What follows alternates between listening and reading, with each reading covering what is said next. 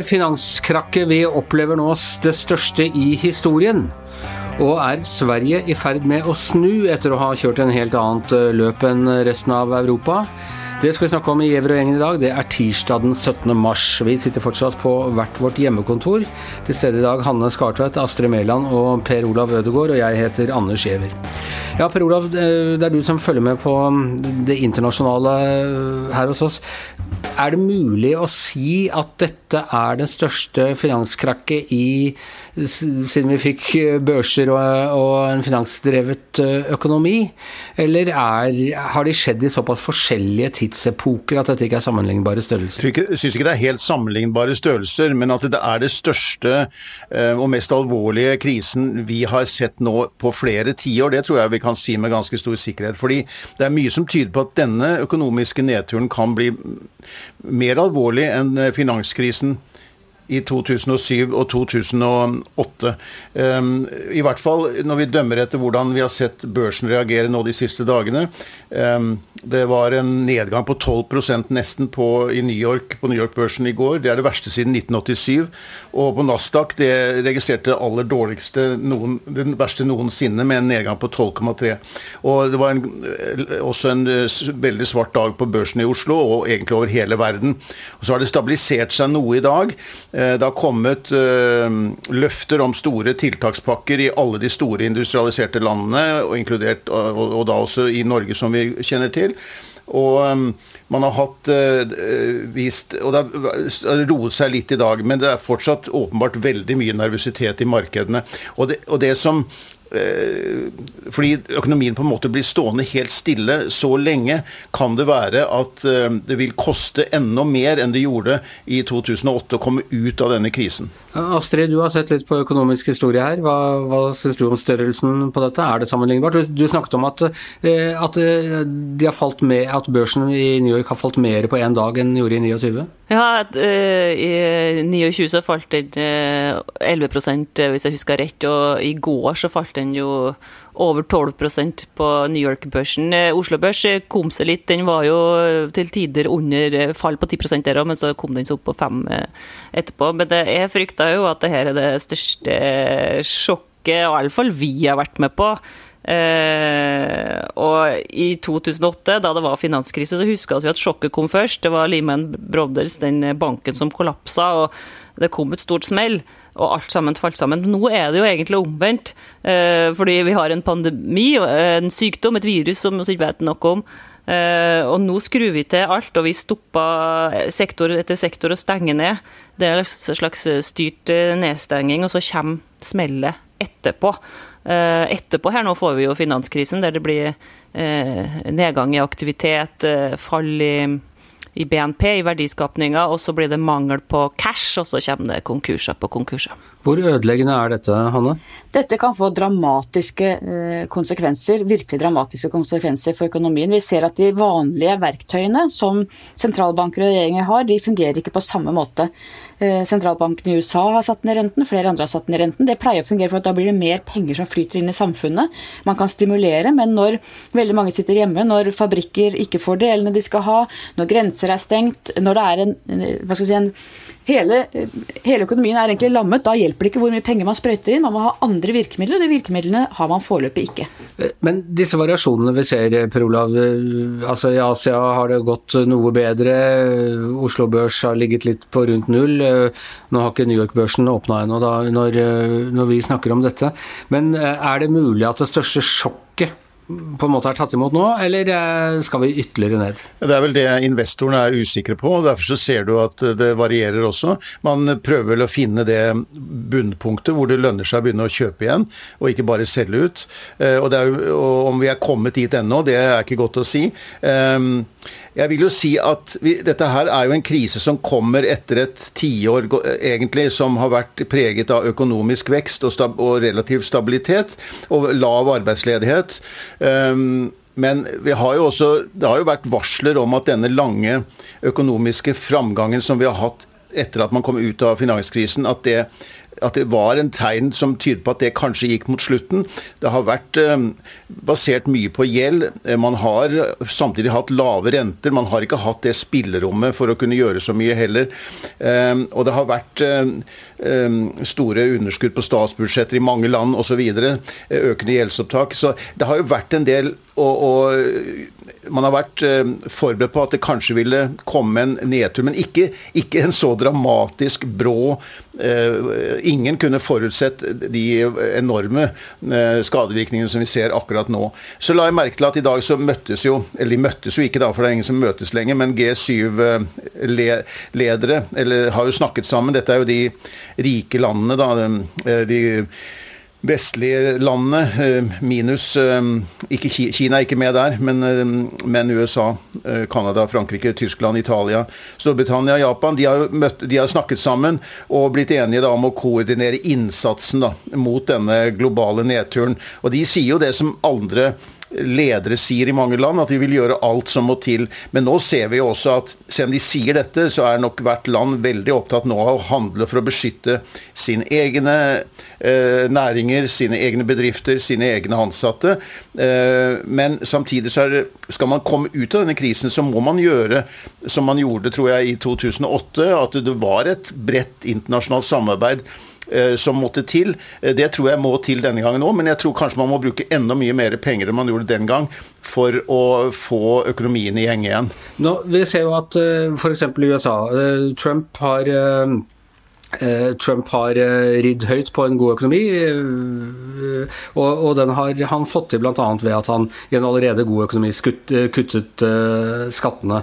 Er det sånn at dette er noe som antagelig ville ha skjedd uansett, bare ikke så kraftig, og at det gjør hele situasjonen verre? Hanne? Som Per sier, det har gått veldig veldig bra veldig lenge. og Det var tegn nå f.eks. handelskrigen mellom USA og Kina, som jo har bekymret mange. De har nærmet seg litt underveis, men det er tydelig at der ligger en, en veldig motsetning som har fått konsekvenser allerede.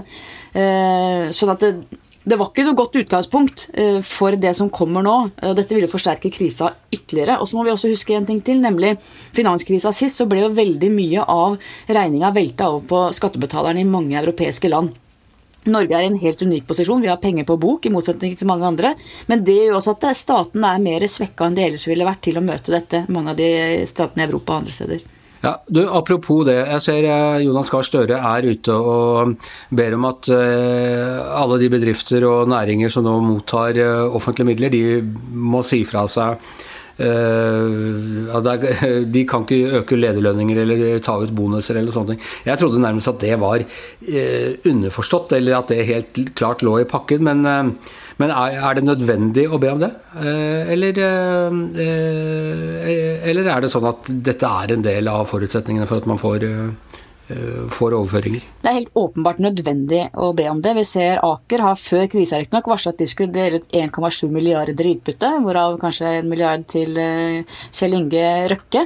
Vi ser jo ofte i denne type kriser at det er vanlige folk som får den største delen av regninga. Folk som mister jobben, folk som eh, mister livsgrunnlaget sitt. mens de rike jo ofte slipper unna langt lettere, i hvert fall når det gjelder hvordan de kan fortsette å leve Eh, livene sine. Og Finanstilsynet ba jo regjeringen om å sette denne type krav til at dersom eh, bedrifter får statsstøtte eller får garantier eller andre typer støtteordninger, så må de binde seg til ikke å ta imot utbytte og bonuser. Og det skulle bare mangle. Det er klart at det vil oppleves grovt urettferdig et brudd på, samfunnskontrakten dersom de rikeste skulle slippe unna, få statsstøtte og samtidig hente ut utbytte. Det vil være helt galt. Og du har uh, håp om at det, at det kommer, til, kommer, til, å gå gjennom? At uh, det blir en enighet om det også? Nå, Regjeringa hørte jo ikke på Finanstilsynet i utgangspunktet. Uh, det spennende blir jo om opposisjonen kan samle seg, og om Frp blir med på dette. De har vært med på de andre, Opposisjonen har samlet seg om de andre krisepakkene, sånn at det er vel Frp som blir Eh, den som vipper dette i så fall. fordi at alle de andre partiene har jo signalisert at de ønsker slike begrensninger. Er det andre tiltak som kan foretas, og som bør foretas uh, nå? Eller er det nå liksom å se hvordan dette virker, og så eventuelt pumpe inn mer penger?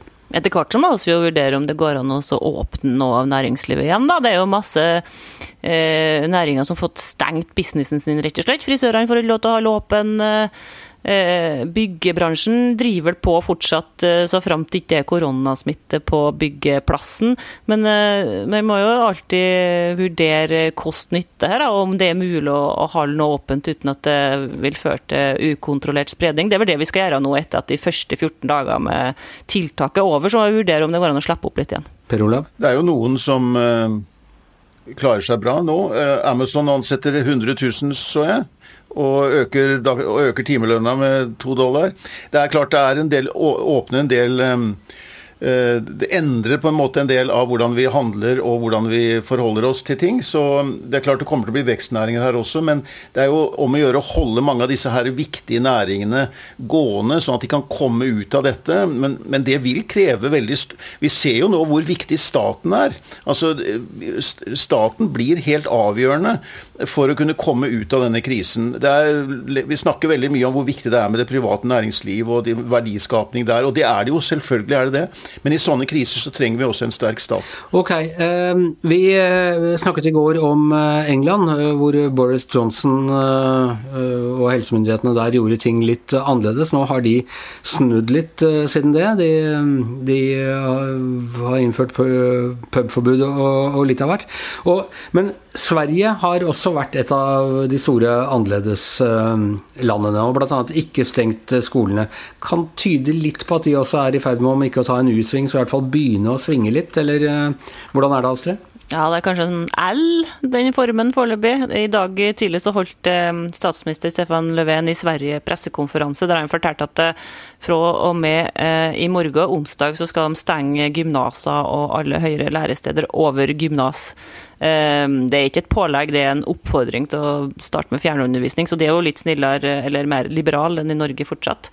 Um, og det her kommer jo etter en ganske stor diskusjon i Sverige uh, om akkurat det her med skolestenging. For de har jo lagt merke til at Norge og en hel rekke andre land, Danmark uh, osv., har gjort har stengt skolene og innført mange, mange flere strenge tiltak enn i Sverige. Så det har vært en ganske hot diskusjon. Og uh, den mest omdiskuterte mannen i Sverige for tida er en som heter Anders Tagnell, som er sjefssmittevernoverlege, eller hva det nå kalles. Han, han, han leda arbeidet mot eh, korona i Sverige, og han har vært restriktiv på eh, holdt igjen på, ønska å holde igjen på å innføre tiltak mot uh, smittespredninga. Fortsatt i dag i Sverige så er det slik at Um, hovedrådet er at eldre over 70 skal holde seg for seg sjøl, unngå kollektivtransport og store forsamlinger. Så har de et forbud mot uh, forsamlinger på over 500 personer.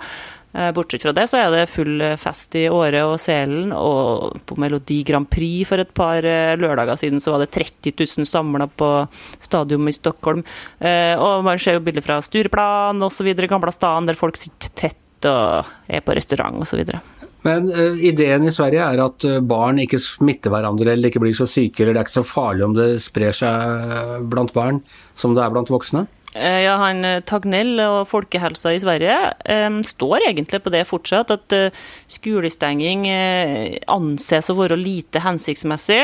Ikke bare fordi at det fører til at nøkkelpersonell, altså foreldre, blir ute av business for en tid, men òg fordi at de mener at de har vitenskapen på sin side når når det gjelder barn. Det syns jeg kanskje er litt eh, Nå skal ikke jeg opphøye meg sjøl til en sånn smittevernekspert, men, eh, men eh, det er i hvert fall uklart. da. Jeg ser jo på WHO, Verdens helseorganisasjon sin rapport fra Kina. De dro dit med en sånn ekspertmission tidligere i år. Og det de kom tilbake med, var jo at barn i liten grad blir smitta. Bare 2,4% av eh, tilfellene av covid-19 i Kina eh, var barn. Men om de smitta videre til voksne, er usikkert. Det kan godt hende at de er symptomfrie og smitta fortsatt. Ehm, så vi vet jo litt for lite, da. Ja, Hanne?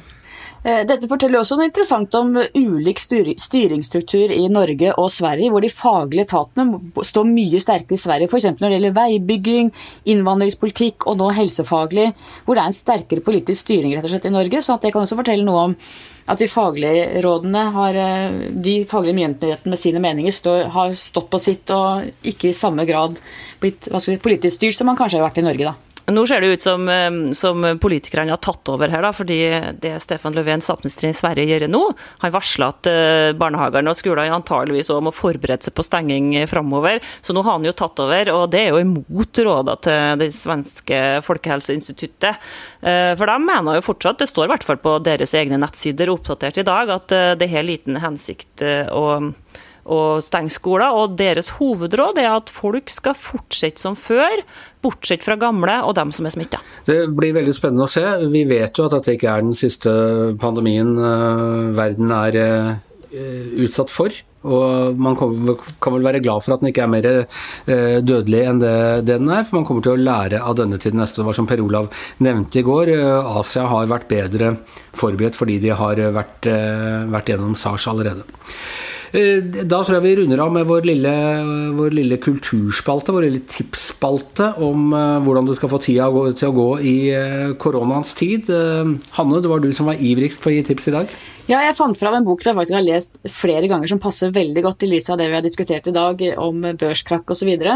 Robert Heilbroner, som har skrevet 'The Worldly Philosopher'. Den er gammel og har vært i 100 opplag.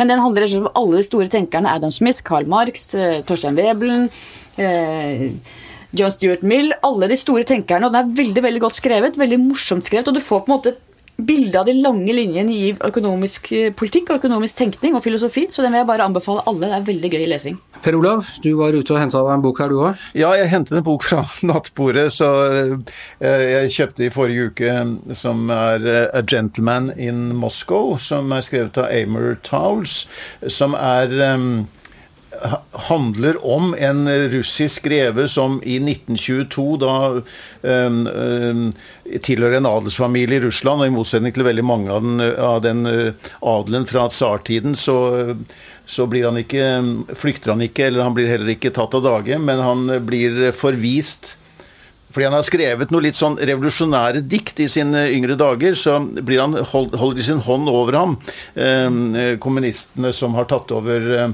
styringen i Russland. Men han blir altså plassert på et lite kott på, det, på Hotell Metropol i Moskva. Og der blir han satt på og det skal da vare i, en, i livstid. Han, husarrest på livstid får han. Han må forlate sin store suite på hotellet og bli satt opp på et lite rom der. der. Fra det lille utsiktspunktet sitt til verden, og sammen med alle bøkene sine, så gjennomlever han, så gjennomlever han alle de store dramatiske endringene som skjer da i Sovjetunionen. Og, uh, og med, så jeg har bare så vidt begynt på den, men det virker lovende. Ja, Astrid? Ja, du vet, Jeg driver bare og leser og hører om korona, så jeg får nevne noe som jeg begynte å lese på i ukene før. og Det er en fantastisk eh, true crime eh, som er utgitt på Kagge, som heter 'Spion og forræder' av Ben McIntyre. Det er om jeg vet ikke hvordan du, Ole Gordievskij, altså han, den russiske spionen som avslørte Treholt, hvis jeg uttalte det rett. Um, det er en sann, en sann bok, skulle jeg si. Det er en um, true crime om uh, hans liv. Og den er, den er akkurat som å lese en uh, krimroman. Anbefales. Det sto så mye om Ole Gordievskij i norsk presse på 80-tallet at man nærmest kunne klassifisere som norgesvenn, vil jeg si. Litt tvilsom type må man jo også uh, kunne si at han, han, var. Da er det mitt tips. Jeg, jeg, er jo veldig glad i å gå. Og nå er jeg i karantene, men tipsene gjør at jeg har lov til å gå så lenge jeg har holder solid avstand eh, til andre folk.